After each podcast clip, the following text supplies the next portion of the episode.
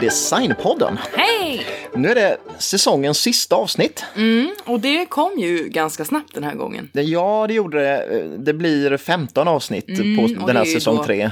Tre avsnitt mindre Mm. än vad vi brukar ha. Och vi tänkte väl kanske, ja orsaken till det är helt enkelt att det är much going on just nu. Jo, det är det. det, är det. Eh, vi eh, har flyttat, vi har jobbat innan på auktionshus båda två på, och, och, och, och det, vi har sagt upp oss faktiskt och, och Mm, ja. kommer göra andra saker här framöver. Så att eh, det gör att, och har Men det är ju inte största anledningen. Nej, vi eh, har också, eller vi, vi har liksom bokat en hund, vi har köpt en hund. Vi ska skaffa valp. Ja, och eh, vi får han här om ett par dagar bara. Ja. Och det innebär, alltså när ni lyssnar på det här så kommer vi redan ha honom då va. Och då vill vi fokusera lite på det med. Exakt, va? Eh, Så att vi kommer att ha ett lite längre sommaruppehåll än vad vi brukar ha. Det blir det. Eh, Så att eh, vi kommer ju köra igång med säsong 4 till hösten igen, men eh, ja, vi får då, se när då det blir den ännu bättre. ännu bättre säsonger. Mm, Och då kan vi ju säga det nu att, att då tar vi gärna emot tips eh, så fort som möjligt. Eh, För det kan ju vara eh, både då eh, ämnen som man tycker är kul eller om man har så personer som man kanske Mm. vill ha intervju med eller om, om du själv vill bli intervjuad av något Ja, skäl. Så här, ja, hör av er. För att det är bra just när vi har tid nu under sommaren att, att förbereda nästa säsong. Då vill vi gärna ha tips tidigt. Absolut, kör på. Och vi har faktiskt kört flera av de här tipsen som vi har fått in har vi använt, använt men avsnitt. så att, eh, såklart. det är ju för att det är lätt att man blir lite enkelspårig så bara Mm. kör på det man själv tänker. Men sen så kommer det ett bra tips och tänker man ja jäklar vad bra Varför idé. Mm, så att kom med tips, eh, absolut. Och eh, det här avsnittet som vi kör idag, det är ju likadant som vi har avslutat de andra säsongerna med, en säsongsavslutning. Mm. Yes. Och vad innebär det? Ja, det är ju lite vad man vill. Ja. Nej, men vi sjabblar ju på. Ja, vi kommer gå igenom den här säsongen lite och ha lite så personliga favoriter och eh, Mm. Ja, lite vad vi har kommit lite fram till. sammanfattningar om man inte vill lyssna på hur många timmar det nu blir vi har snackat Mm, på. exakt. Vi tar det vi tycker är roligast från de olika Mm. avsnitten och, och kör på om det. Så vi kastar oss in i det här. Det tycker jag. Vi som pratar heter ju som vanligt Sanna och Andreas och ni lyssnar på Designpodden.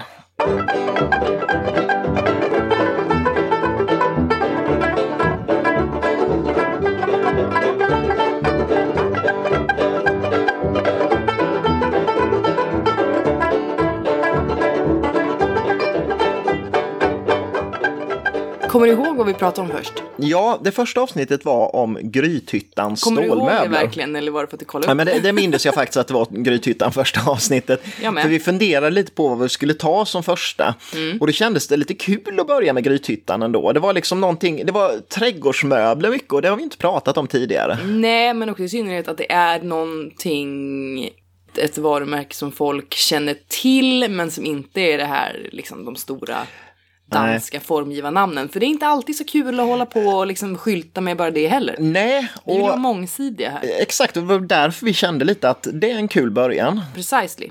Vad kommer du ihåg från det avsnittet? Eller? Ja, alltså man ska, vi ska väl erkänna att man ju har tjuvkollat i våra sina anteckningar, ja. lite för att jag har ganska dåligt minne. Ja. Men det jag då tänkte på är ju att det började ju som en liten smidesverkstad redan på 1800-talet. Ja, just det. Dock i slutet av 1800-talet.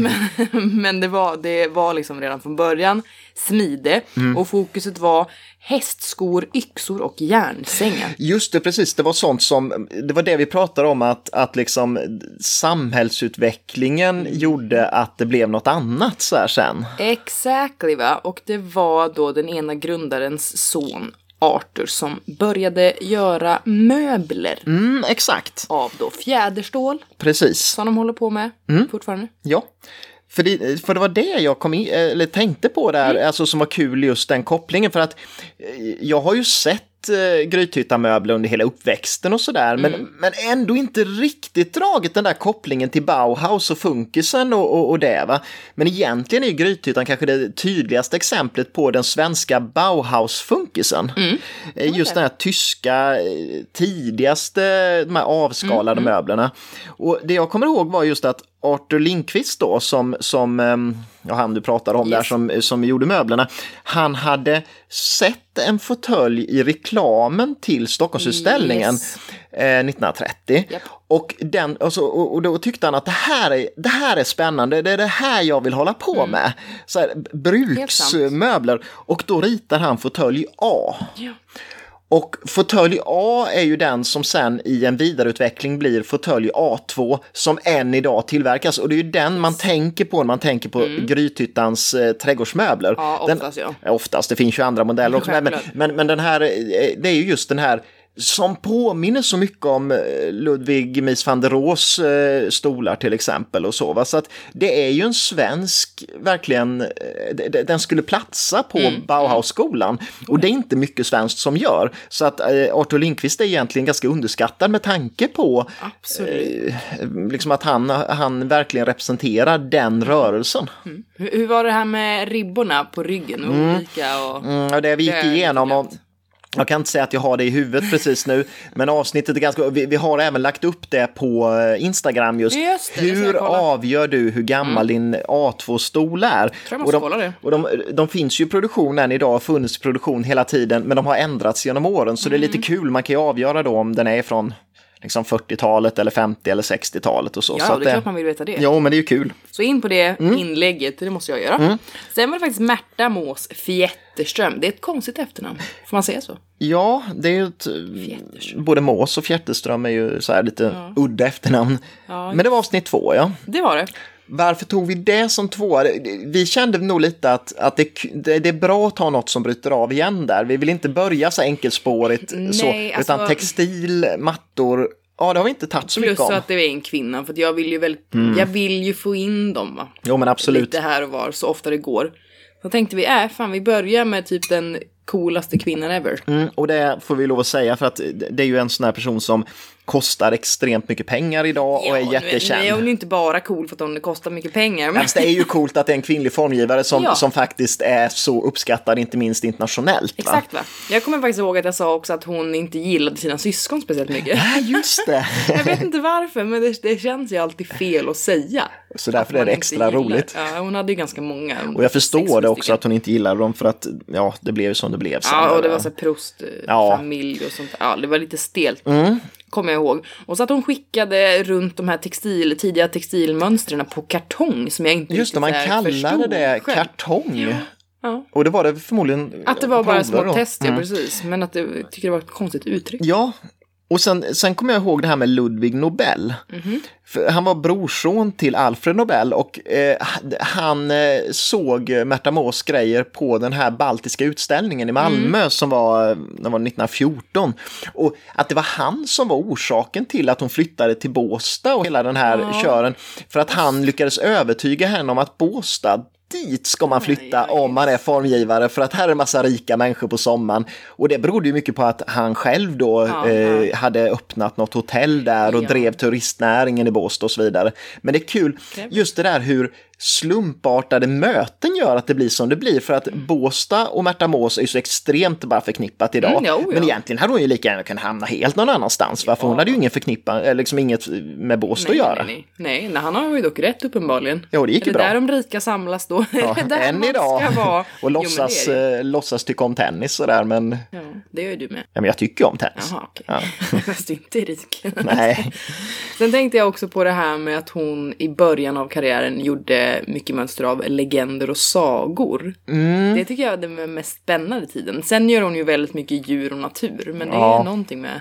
De här sagomönstren och det. lite, det är ju så härligt på något sätt. Ja. Sen kommer jag ihåg det här, apropå hennes syskon då, och, och varför, att hon inte gillar dem. Det är ju ganska typiskt då med efter hennes död, för hon dör ju eh, 1941 och det är mitt under andra världskriget och då är det ju syskonen som ärver henne, för hon har inga barn. Nej. Och grejen är ju att, att då, då blir de ju istället, istället för att de ser det som att nu ska vi förvalta hennes arv och så, Mm, de det skiter de fullständigt i. Och de är livrädda att, att det bara skulle bli massa kostnader kring det här med löner till väverskon Mm. och allt det här. Så att det blir ju nästan så att Märta Mås ateljé säljs Yes. till en amerikansk firma som egentligen bara vill åt namnet MMF, eh, som är känt i USA redan då. Eh, men då är det ju faktiskt Carl Malmsten och eh, Ja. för då var det ju Carl Malmsten och Nationalmuseichefen Erik Wettergren och sen så en advokat Erik Wennerholm som Mm. går ihop i panik och ser att det här får inte gå utomlands. Så de startar något bolag och till slut kan de ta över Ja. Märta Mås och sen så blir det eh, vi, på den vägen som Barbro Nilsson knyts som, som den här konstnärliga ledaren och det lever vidare. Ja, det var en gärning. Ja, det var det. För hade inte det hänt så hade det ju bara sålts utomlands och sen hade det inte blivit något med. Mm. Cred till Malmstenen då. Ibland är vi lite hårda. Ja, men han har ju gjort väldigt mycket för svensk formgivning och det är ett sånt exempel där han verkligen har, har gjort en stor gärning. Absolut. Jag noterade också att det dyraste klubbslaget var 1,4 miljoner. Ja, och det var väl toppen i det här, den här säsongen, va? Precis va? Nej, men skojar du? Jaha, Det- nej, nej. Calder, Calder. Ja, Du, det, det oj, kommer vi in på. I alla fall, man får lyssna mer om man vill veta eh, vad, vad det var som kostade Men, eh, ja, precis. Sen var det faktiskt Nordlings antik och Ja. det, där levererar jag. Nej jag skojar. Men det var ett kul avsnitt. Var Antik jättekul. är ju en av de eh, stora liksom, design och antikhandlarna i Stockholm. Japp. Och eh, Alexander Norling där är ju en eh, väldigt trevlig person också, så att det var Ja, ett bra, verkligen. men det var ett jättebra avsnitt tycker jag. Det var det var jag som var drivande kraft. Ja. Nej men det var Nej, kul. det, var väldigt, det är så. Vi älskar ju det här sättet att intervjua folk. Mm. Vi har gjort det lite hittills, men vi vill ju utöka den delen. Mm. Så som sagt, har ni några eller vill själva vara med, Mm. då får ni fan mejla. För att det, är ju, det blir någon helt annan sak än att du och jag bara sitter och, Mm. Och framförallt snackar. så tycker jag att det vore kul om någon vet, kanske någon släkting eller sådär, som har varit med i möbel, alltså som kanske har jobbat på någon fabrik eller varit med på något designkontor. Mm, Ja. Men det behöver absolut inte vara någon av de här, liksom vi kräver inte att det är något jättekänt namn. Men det är så att, oj, min, min farfar har jobbat med Carl Malmsten eller min, alltså då, och han kan tänka sig vara med, då vore det jätteroligt för då får man veta lite Ja, mer inside sådär. fabulous. Det, alltså jag kommer ihåg att jag gillade verkligen att han hade så skön blandning av okända och kända formgivare där inne. Nordling där, ja Mm. absolut. För att det, det var liksom inte det här uptight, dyra Nej, som man nej. kunde tänka sig innan. För jag hade faktiskt inte varit där innan. Så det var mycket mera, nej men det var mycket mer Mm. eh, down to earth och eh, att man kände att han faktiskt ville få fram de här okända människorna också och inte bara spela på Nej, och man känner ju också att han är, liksom, han, han brinner så mycket för designen Mm. att han, han lever liksom för de här vackra föremålen och så här. så. Och det, är- det är jätteroligt. Ja, så lyssna på det, det måste ni göra. Jag vill att ni ska lyssna på alla, men Men det är ett I synnerhet det. Ja. vad händer sen då? Ja, nästa avsnitt sen, då är det ju Nordiska kompaniet. Mm. Det är ett av de avsnitten som har mest lyssningar den här säsongen. Eh, och eh, alltså NK-avsnittet var ju, det var naturligt att göra det för att Nordiska kompaniet är ju så otroligt viktigt för svensk form och för, Ja. för det här liksom att, för svensk smak överhuvudtaget Mm. tror jag.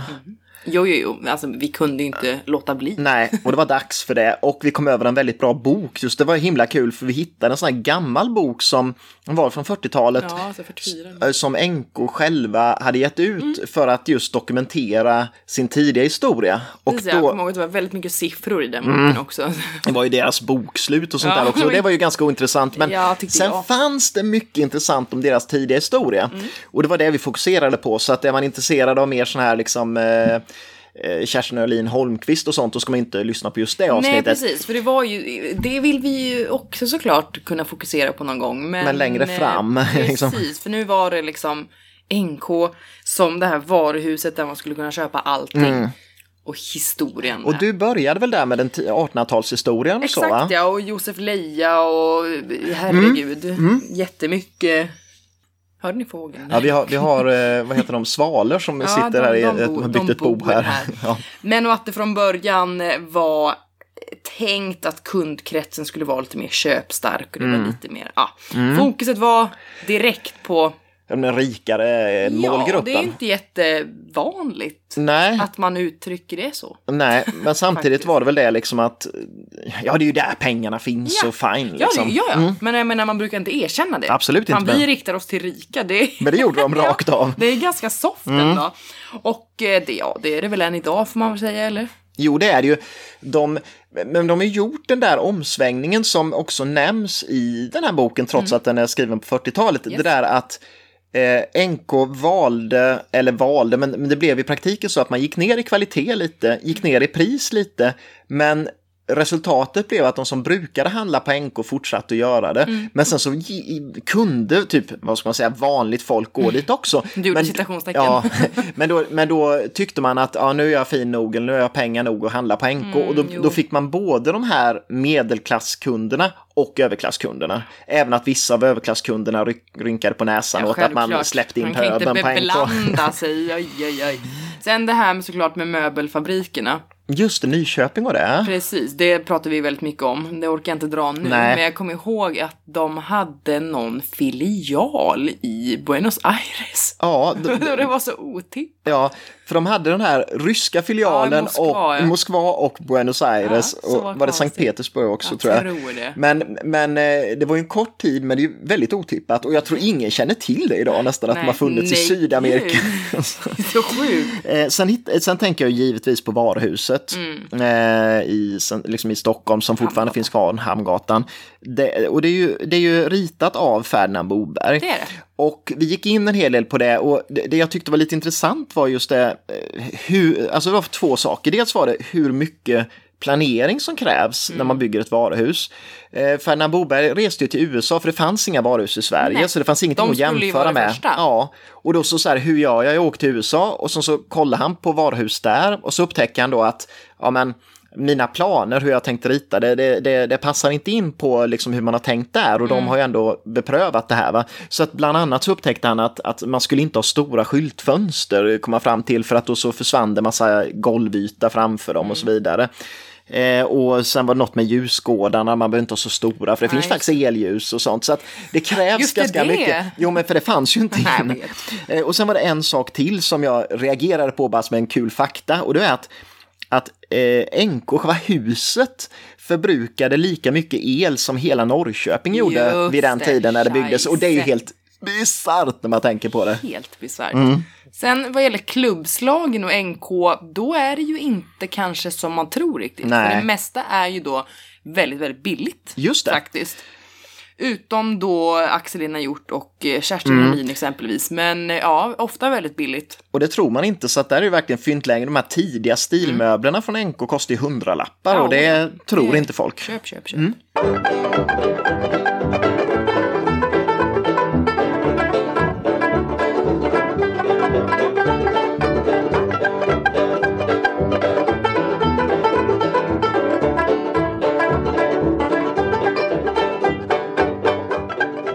Hände sen då? Kan du inte säga det på danska ordentligt? Börje Mogensen.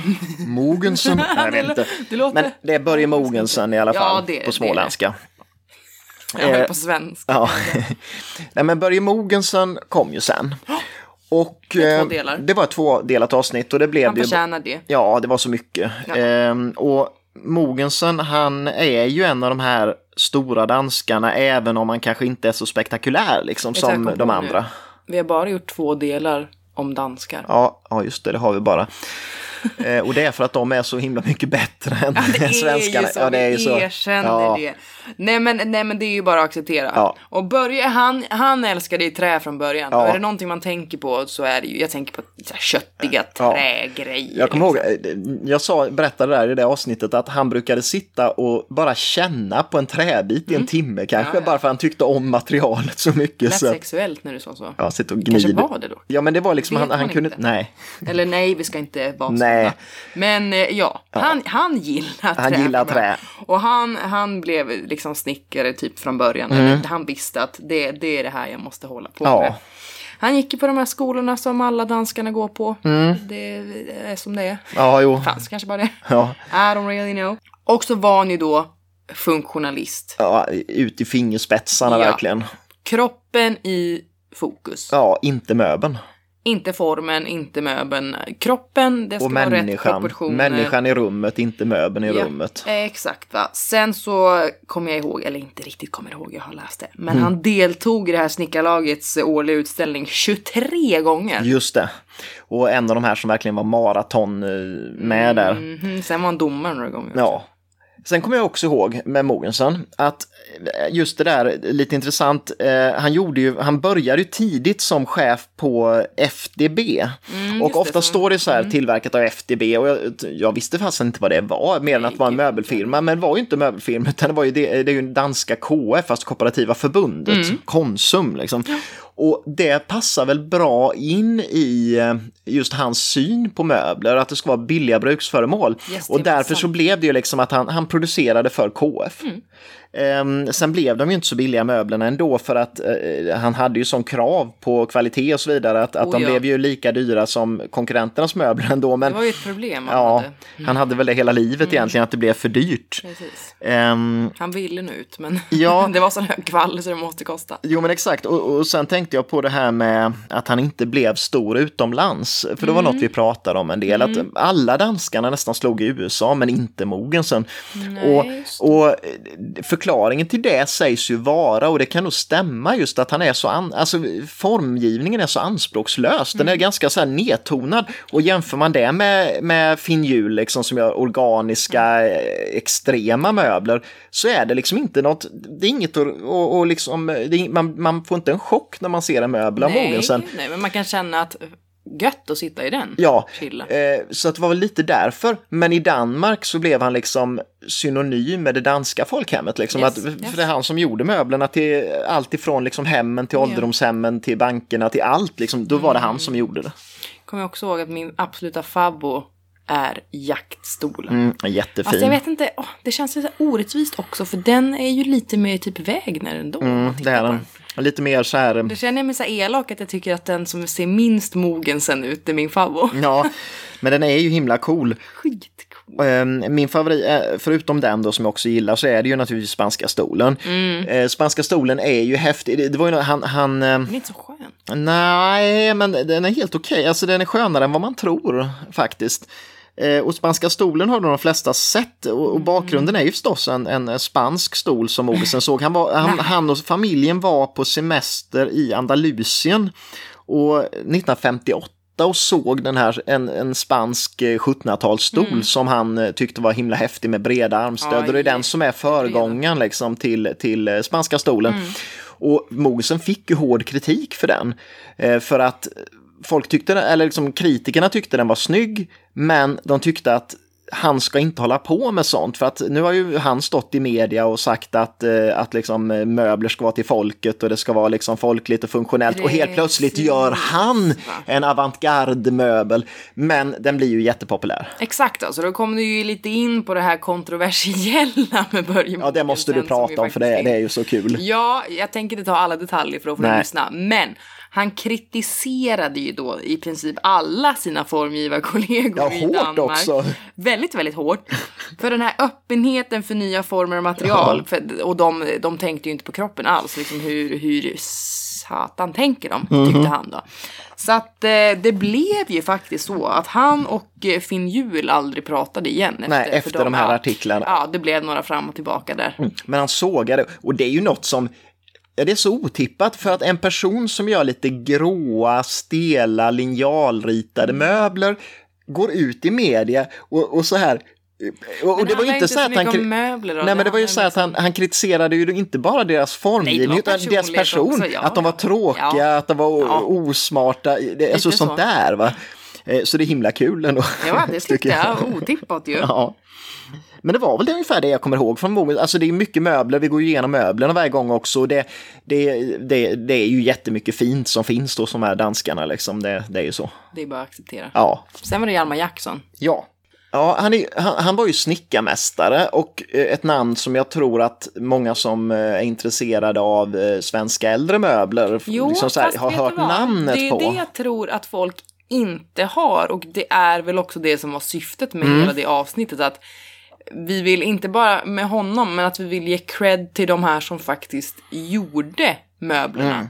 Och, då, Och inte bara de här namnen som är lite fancy Exakt. och som inte gör så mycket. Och då hade vi Hjalmar Jackson, eh, en av Stockholms absolut bästa snickarmästare under Yes. liksom, 1900-talets första hälft. Och eh, liksom ett sånt namn som har gjort möbler åt Malmsten och åt de här stora namnen. Är Eh, så att vi kände verkligen att ja, det var kul att, att lyfta en sån. Exakt va. Och eh, jag gillar den ju lite extra för att jag tror att jag har ett, ett skåp av honom. Mm, Men jag är inte säker. Men jag känner mig lite partisk. Eller Ja. jag vill så gärna att det ska vara det. För om man faktiskt ska tänka lite på klubbslagen redan. Ja. Så är ju allt som har hans namn i Ja. Mm. på auktion. Alltså när, man, när man faktiskt skyltar med att Ja. det är hans möbler. Då är det väldigt dyrt. Ja, det är det ju. Och, och det beror just på att, att eh, kvalitetsmässigt är så oerhört bra. Mm, och ofta är ju intarsian helt galen Ja. och så vidare. Eh, och de jobbade i hans verkstad, det var ju liksom inte bara han, utan det var ju under olika perioder, men det var fler personer som jag, liksom snickare som jobbade åt honom.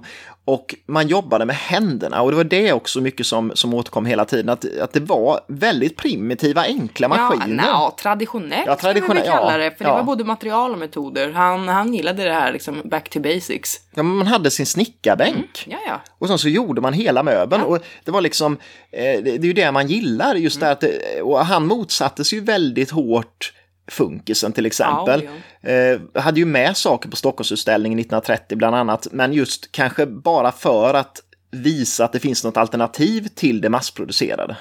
Men det var nog ungefär det spontant som jag kommer ihåg om, om ja, alltså eh, han Janne och Jackson. Malmsten kommer ihåg att de var polare och jobbade ihop och sånt där. Men det, ja. Ja, nej men det, det, vi lyssnar på avsnittet ändå för det, Det är det bra. varje, Ja, det ska- men gör, gör det bara. Ja.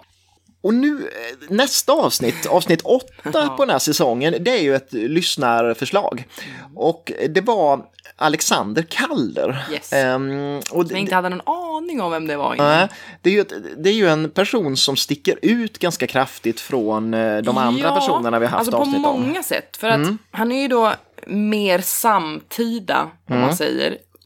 Plus så är han ju då, han gör inte möbler Nej, eller textilier utan han gör mobiler ja. och stabiler. Ja, och är ju mer en konstnär egentligen, så Ja. att vi går ju utanför vår comfort zone när vi gör det här avsnittet. Men vi tycker att mobilerna, pass, alltså de dyker ju upp ofta ihop med Prové och med de här eh, franska modernisterna. Så att därför passar det bra in och så är det en extremt intressant person. Mm, verkligen. Och vi gillar ju när det är väldigt dyra klubbslag. Ja. Det gör ju att det är väldigt spännande. Ja, ja absolut. Och eh, ja, det, vi drar ut dock Ja. Mm. lite på det. Men han är ju, var ju då amerikan, utbildad till maskintekniker och det kom ju väl liksom till hand sen när han skulle konstruera de här grunkorna va? Ja, Och han, jag kommer ihåg att han testade typ en skit, liksom skitkonstig mängd eh, olika liksom jobb innan. Att han var Just lite det. allt möjligt. Det var han på sjön eller Ja, ja. Han, han gjorde allting innan. Men han, han eh, ville ju då bli konstnär, Ja. Mm. som sina föräldrar faktiskt båda två var. Men han testade sig i alla fall fram innan. Och jag kommer ihåg att han började göra så här, ståltrådsdjur och att han Ja. gjorde någon så här, cirkus. Den kommer jag ihåg. Så här, miniatyrcirkus Ja, hur mycket som djur kunde uppträda dessutom. Yes, ja. som han uppträdde med. Mm. Eh, sen, sen är det det här med mobilerna. Ja. Och idag är ju mobil, det, det, det vet man direkt vad det är om man säger, och nu menar jag inte en mobiltelefon utan det är en sån här mobil som hänger i taket, liksom, det är inget konstigt. Jag tänker till så här bebisar. Typ. Ja.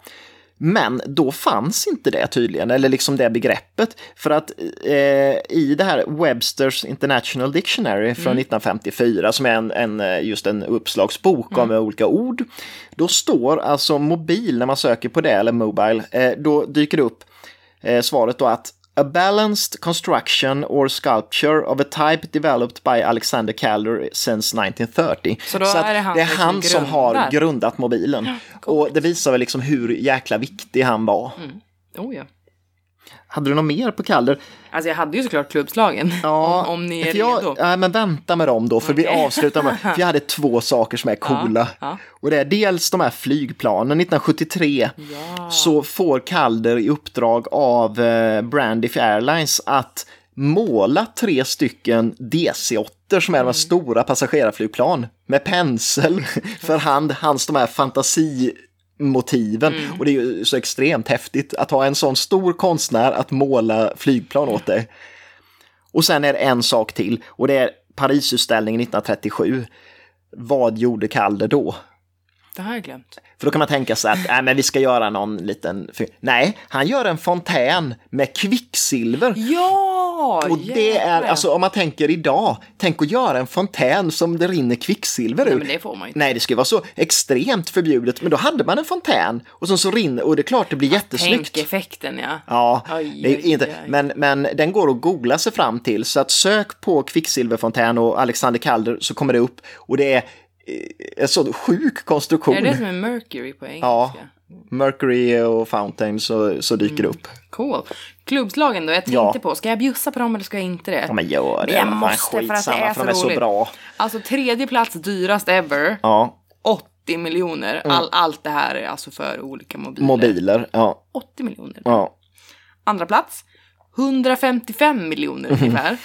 Och så första plats, 216 miljoner. Mm, 216 miljoner för en mobil. Jabba dabba do. Och det är den näst högsta klubbslaget någonsin i eh, Designpodden som vi har tagit upp saker om. Japp. Och vad är det dyraste? Ja, det får folk fundera på. Nej. Nej, det är Eileen Grace, den här är eh, Dragon Share, som är dyrast. Sen var det ditt favvoavsnitt. Ja, nu kommer vi fram till eh, Nässjö stolfabrik, pinnen, Pennen. pennen som vi kallar det. Nej, men, eh, jag kände ju att i- jag ville att vi skulle göra någonting om Nässjö stolfabrik, bara just för att jag är från Forsrum som ligger nära Nässjö. Och alltid liksom växt upp med den här stolfabriken, att den har funnits. Va? Sen så la den ner liksom tidigt 90-tal, så att jag var inte gammal då, men, men jag har ändå hört mycket folk som har jobbat där och så vidare och sett alla de här pinnstolarna. Och avsnittet blev ju inte riktigt ett avsnitt om Nässjö stolfabrik skulle jag säga. Nej, inte så. Vi vill ju vara lite mer överblick Mm. på den här populära pinnstolen överlag. För det är en väldigt intressant historia, eh, tycker jag. För, för jag, jag kommer ihåg mycket om det här, just att man går tillbaka till de antika möblerna, liksom var kom pinnstolen ifrån? Och eh, där är det ju liksom en sån här brokig blandning, för det, dels så tog vi upp en del pinnstolar som inte är liksom föregångare till den här pinnstolen som vi ser idag, liksom, utan det var den här ehm, den, den ehm, liksom kinesiska bambustolen som var som en typ av pinnstol sent 1700-tal och det fanns någon sydeuropeisk variant som också liksom, ja, 1700-1800-tal. Men den pinnstolen vi ser idag, den härstammar ju från liksom först England över till USA en vända och sen till Sverige. Och har sitt ursprung i Windsor-möblerna Just det, just det, just det. och eh, även i viss mån shaker-möbler. Och det är ju de här möblerna som liksom, alltså utvandrare från Sverige och många av dem kommer ju från Småland givetvis då. De, ja men, men det var ju liksom stenig, eh, Ja. rälig jord va? och då så, vad ska man göra? Då får man flytta till USA. Men, men de såg pinnstolar där och den första pinnstolen i Sverige eh, gjordes tydligen till Hoks herrgård eh, nere i, i Svennarum. Och det var en fru Kilander där som hade fått förmodligen fått en ritning till en pinnstol skickad till sig och lät göra sådana. Och sen så var de ju himla populära och sen spred det sig i Småland och det var därifrån liksom som eh, pinnstolarna började tillverkas i Sverige. Jag är ju inte helt nöjd med detta avsnitt. Nej. Det, var, det var inte my best work. Nej, nej, Jag var nog lite låg den dagen. Mm, Ja, jag vet inte. Eller så hänger det på att jag är lite svartis att vi inte gör om Edsbyverken. För att vi kommer ju från ett liksom varsitt ställe som Mm. gjorde pinnstolar. Och just nu sitter vi bara liksom par mil ifrån eh, Edsbyverken. Precis? Så att vi, vi, det, det kan vara det. Det kan vara avundsjuka va? Men, Mm. nej, men i alla fall. Det jag kommer ihåg och det Mm. som jag inte kommer glömma ever. Det är att jag lärde mig vad en lokomobil. Lokomobil, ja. Loko. Loko, loko, ja. Lokomobil. Vad är det för något? Eh, Det är en portabel ångmaskin. Det är precis vad det är va? Och jag så många gånger som jag har undrat vad det är eftersom att det var en gata i närheten där vi bodde förr som, som hette det. Lokomobilvägen, ja. Och Och Nässjö storfabrik lärde mig. vad en lokomobil var. Japp. Och det, det glömmer jag inte. Nej. Jag är väldigt tacksam. En sån här konstig kuriosa som jag lärde mig också var en måttenhet också som Mhm. dök upp i det avsnittet. Och det var en gång. För att de här som gjorde pinnar till pinnstolarna, de mätte pinnarna i gångar. Vadå gångar? Ja, då kallas alltså en gång, det var 168 pinnar. Och 168 pinnar räckte till 12 pinstolar. Då så eh, lämnade man in till exempel, han som var, vad hette han nu som var grundaren till Nässjö Nässjö pinstolfabrik? Ja, han, lärde, han, han började ju med att göra pinnar i alla fall. Och han, första lasset var, var, om det var tio gånger han lämnade in och då är det 1680 pinnar. Så att gång har jag aldrig hört och det är nog Nej, glömt vad i är- historien. liksom? Nej, jag, jag vet inte. Men eh, då, då fick man betalt efter hur många gånger man hade med sig och då, ja. Jag sa ju också att, att alltså det här det, företaget det, det växer ju väldigt stadigt från start till finish. Men Ja. jag kommer ihåg att jag sa att 1938 så exporterades 10 000 dussin stolar ja. Till resten av världen. Alltså det var inte bara Europa utan Nej, det, men- var, det var Sydafrika och, Och det är alltså Ryssland. 10 000 dussin 10 000 dussin! pinstolar från Nässjö stolfabrik Ja. på 30-talet. Det är ju helt, alltså det, det är ju en siffra som man inte ens kan Helt tänka galet. sig. Så att det är, det är coolt. Sen Eh. kommer vi till mitt favoritavsnitt. Ja, nästa avsnitt är då avsnitt 10 och då är det MS Kungsholm. Denna fantastiska båt, detta fartyg kanske vi ska kalla det. Båt låter så himla liksom, det passar inte på denna. Nej, men vad, vad, vad säger vi? där? Jag började lite på det avsnittet om bakgrunden, alltså just den själva konstruktionen av båten och det här Precis, tekniska och, mycket det. bergsten och Ja, hur det tänktes och men det var liksom att det, det jag inte visste var liksom dels att, att själva fartyget i sig byggdes av ett tyskt varv i Hamburg. Och att all inredning faktiskt monterades på plats i Hamburg så att Mm, all, det all, skeppades det skeppades ja. ner, all konsthantverk. att allting skulle ju vara svenskt hantverk på den var Ja, ju tanken. Och så man skickar ner det till Tyskland. Ja. Och sen också storleken på det, att, att man kan jämföra det ganska exakt i längd med Cinderella som är ju en båt som man många åkt med eller har sett liksom. Så det är vet väl man alla ungefär. Viking Line antar jag. Ja, det är ungefär som en Viking Line-färja liksom.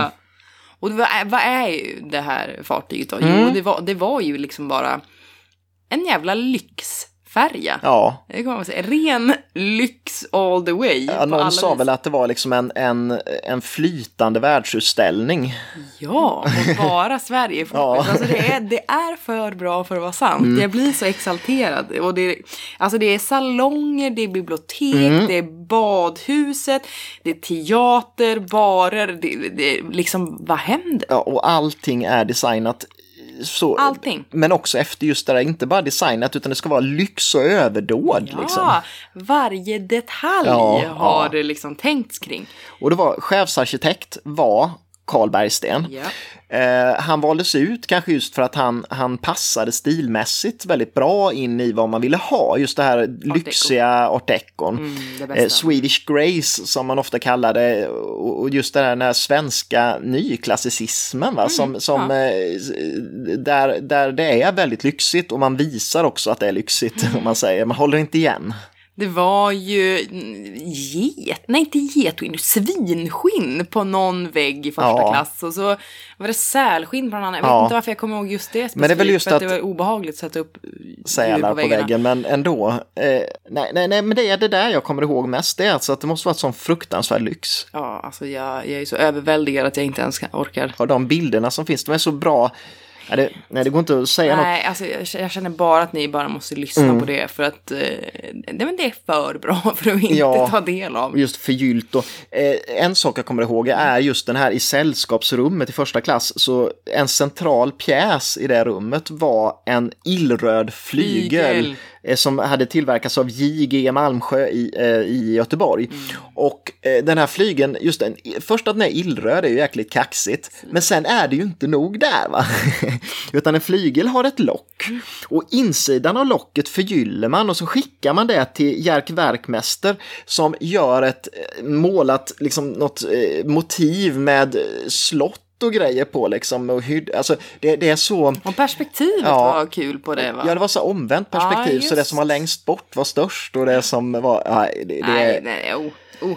Kolla bild, lyssna, gör allt ni kan. Mm. Ja. Ta del av detta. Ja, och sen det här tragiska slutet för, för Kungsholm att, att eh, båten eh, beslagtogs av amerikanerna under andra världskriget och, eh, och eh, allting slängdes. Nu har vi ju fått faktiskt en, en, en kille på, mm, på Instagram som har skickat lite bilder på saker som har räddats från Ja, Kungsholm och det var himla kul att få se de kul. sakerna. Så Så att vissa saker behölls faktiskt av, av om det nu var ambassadpersonal eller vad det var som Ja, hade räddat USA på 40-talet. Men ja, det är kul. Lyssna, lyssna. Ja.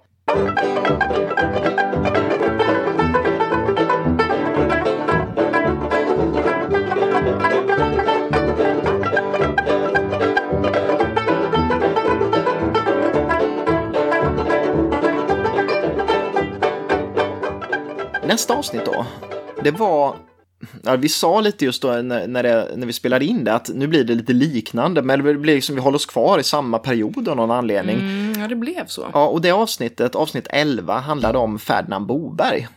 Och Anna. Och Anna, ja just det, nu ska vi inte, för vi ändrade oss och, och kallade både Anna och Ferdinand Boberg. Ja, för att hon var ju delaktig så mycket. Ja, hans fru alltså, så att de, det är paret Boberg handlar om. Eh, vad kan vi säga om dem där? Alltså inte heller ett av mina favoritavsnitt. Nej, Lite småtråkig gubbe ändå. Som Mm. jag inte, alltså jag kommer inte ihåg så mycket fast det var så kort tid sedan jag, jag pratade om det. nej, jag kommer väl ihåg lite så här, jag tycker inte vi ska gå in så jätte, alltså, men, men en sak kommer jag ihåg.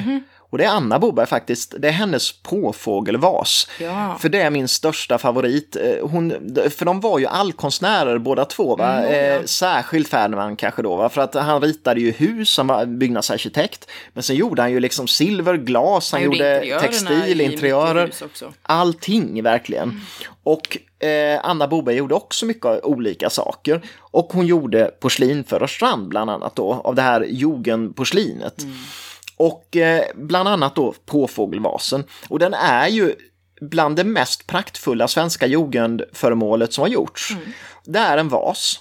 Eh, som är utformad, det är om det är tre eller fyra påfåglar, eh, där liksom uppe vid krönet på vasen så är kroppen på påfågeln och sen så blir deras böljande stjärtfjädrar hela liksom kroppen på vasen.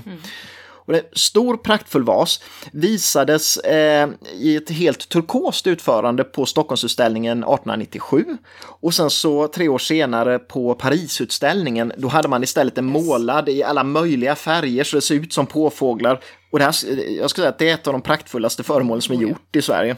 Men det var ju då faktiskt Ferdinand som formgav den här svenska paviljongen till den världsutställningen. Just det. De visade ju upp väldigt mycket saker ihop där. Jag går igenom lite olika interiörer, bland annat kungarummet och så vidare. Just det. Men det är ah, det är väl inte det mest intressanta. Alltså vad har han gjort för byggnader som man kan känna till? Ja, men det borde man ju. Rosenbad har han ju gjort, eh, vet alla. Valdemarsudde. Han gjorde Centralposthuset var ju häftigt i Stockholm eh, för att det, det var ett sånt tydligt exempel på att Ferdinand Boberg, en av sakerna som var mest typiskt för honom när det gäller som byggnadsarkitekt var att han använde liksom ornamentiken skulle inte finnas där för, bara för att. Nej. Utan det skulle ha ett syfte. Va? Och i, när det gäller posthuset så var det till exempel att ja, förvisat är ett posthus. Så att eh, en del av ornamenten på eh, fasaden är brevduvor som flyger över en siluett av Stockholm. Och då visar man ju tydligt att ja, det här är posten Det är som håller till här. det är post. Ja, eh, och det var faktiskt inte så vanligt tidigare att man gjorde så. Så att, eh, ja, ganska typiskt. Och, eh, Sånt tänker man ju kanske inte på så mycket, men man har ju beundrat de här fasaderna för att de är ju väldigt häftiga. Mm. Nej, vi går vidare. Och till en kvinna var den här gången. Yes! Kvinna nummer två. Och vem det är blev det? tyvärr bara två. Ja, vem är det? Karin Björkqvist. Karin Björkqvist, ja. Alltså en sån där doldis på eh, Gustavsberg, tyvärr, liksom Mm, precis va, och det är ju det vi vill.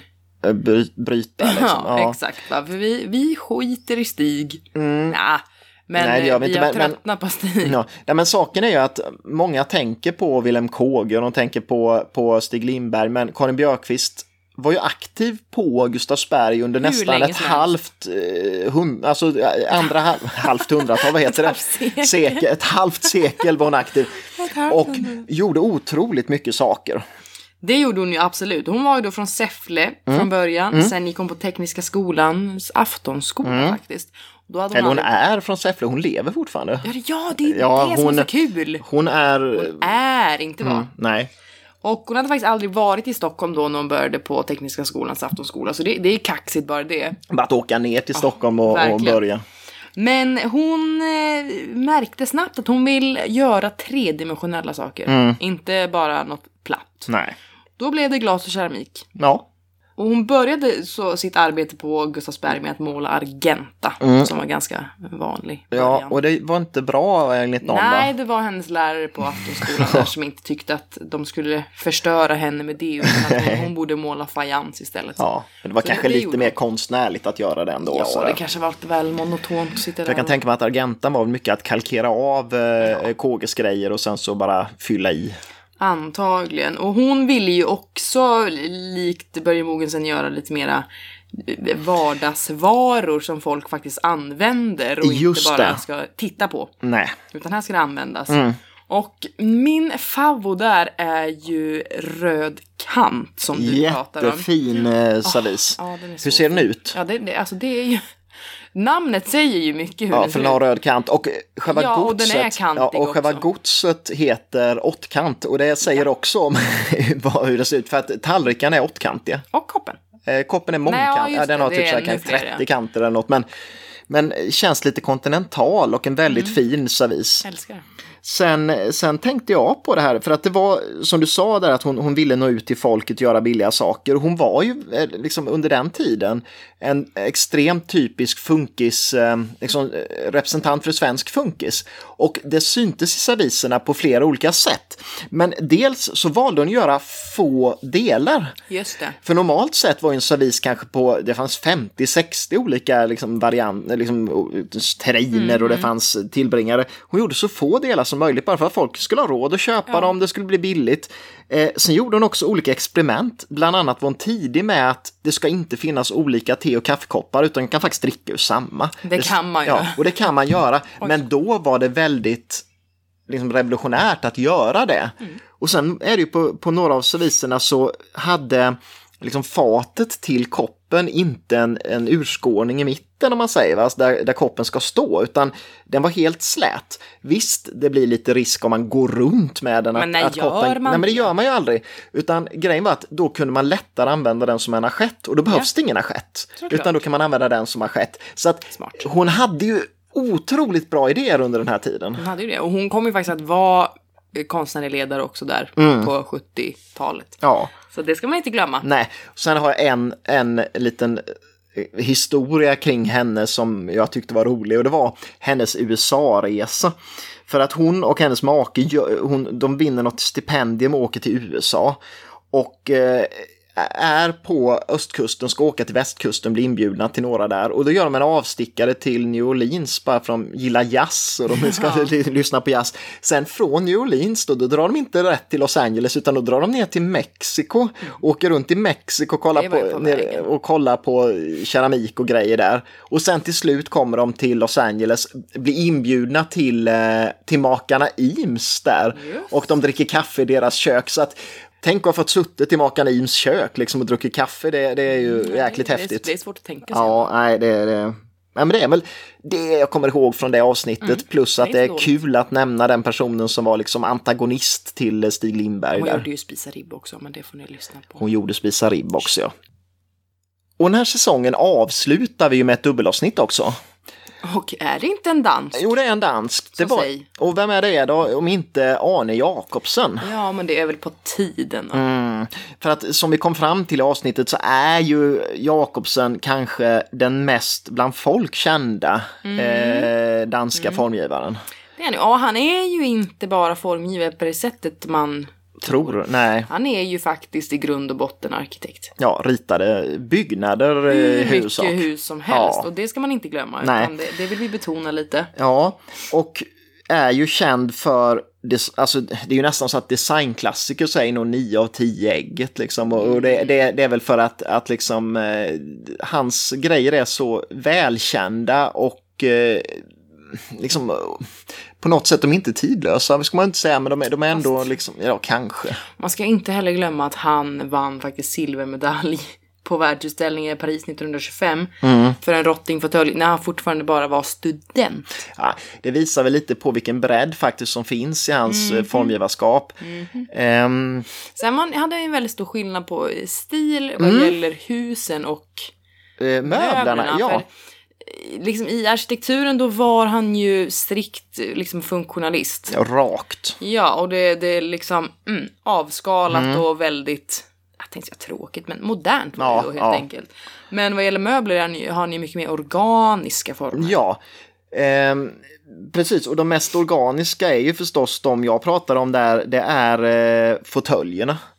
Eh, han ritade ju en serie fåtöljer till SAS hotell. Ja. Eh, och de här ritades 1957 till 58. Han ritade ju fruktansvärt mycket. Ja, till här SAS hotell i Köpenhamn, SAS Royal Hotel. Ja. Och de, de fåtöljerna som var dit, det var ju ägget, det var svanen, det var droppen som är en favorit eh, för min del och den är ju mer som en stol egentligen fast helstoppad också då. Ehm, och där diskuterade vi lite olika priser och där måste jag ju droppa ändå priset på Droppa. den också. Ja, just det, det kom av sig själv.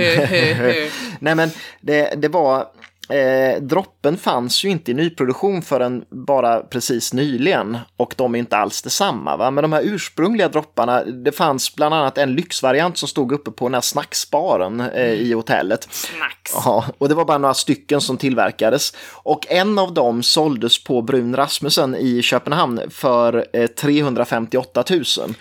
Och det är ju en bra slant för en eh, stol där ju egentligen. Det är det. Absolut. Sen tog jag också upp en del eh, mer små detaljer. Att Mm. han gjorde handtag och bestick och lite sånt där. Allt det också till Ja. SAS Royal Hotel. Men det är väl för att visa just på bredden. Exakt va? Och sen måste vi ju nämna också då det här lilla kul-fenomenet att Myran som är en känd stol som eh, Arne Jacobsson har ritat, eh, han vägrade att låta den tillverkas med fyra ben för han tyckte det blev fult. Och direkt när Arne Jacobsen dör 1971 så börjar Fritz Hansen att tillverka den med fyra ben så att det, Direkt, det är lite, lite fult ändå tycker jag. Man måste tycka det. Ja, Man direkt ger sig på och ändrar. Ja. Men, nej men det, det är väl ungefär det jag kommer ihåg. Vi har mycket mer vi kommer pratar ni ihåg? Det pratade vi om jättenyligen. Ja, ja. Men ni får helt enkelt lyssna för vi kan inte sitta här och prata mer. Nej, men eh, ja, det, det här var en säsong och det känns som vi har fått en bredd på, på det här och jag känner mig ganska nöjd med, med Oh spridningen. ja. oh ja. Men vi vill ju alltid bli bättre och bättre. Mm. Det är kul att många lyssnar eh, och det, att ni blir fler och fler. Eh, men som sagt var, för att vi ska kunna fortsätta att göra den här eh, podden så då vill vi ha mer förslag. Alltså Oh, vi har ja. bara några få avsnitt som vi har tänkt göra men, Mm. men vi vill ju göra en mellan 15 och 18 eh, avsnitt i hösten vi också. absolut. Eh, så att kom med förslag. Ehm, och i övrigt, nu tar vi sommaruppehåll. Det gör vi. Eh, vi kommer att befinna oss uppe i Hälsingland och ta det lite lugnt och eh, ja, kanske besöka Edsbyverken, vem vet. Förhoppningsvis. Eh, Men eh, under tiden så, ja, vi har ju rätt många avsnitt gjorda så att kolla gärna om det är något ni har missat så kan ni Ja, ligga tänk där i solstolen semestern, och lyssna på det. Mycket tid ni kommer ha. Och följ oss på Instagram. Jättegärna. För att där heter vi Designpodden och vi kommer under hela sommaren att lägga ut grejer regelbundet så att eh, där ni kommer det komma. svalorna nu? Ja, det är svalor i bakgrunden hela tiden. Ja. Nej men vi är aktiva ja, fortfarande. och inte aktiva på Facebook men vi finns där. Ehm, för vi gillar inte Facebook. Nej. Eh, men annars så önskar vi er en riktigt, riktigt bra sommar. Mm. Så hörs vi igen till hösten. Hoppas vi. Ja, Tack för att ni lyssnade. tack. Hej!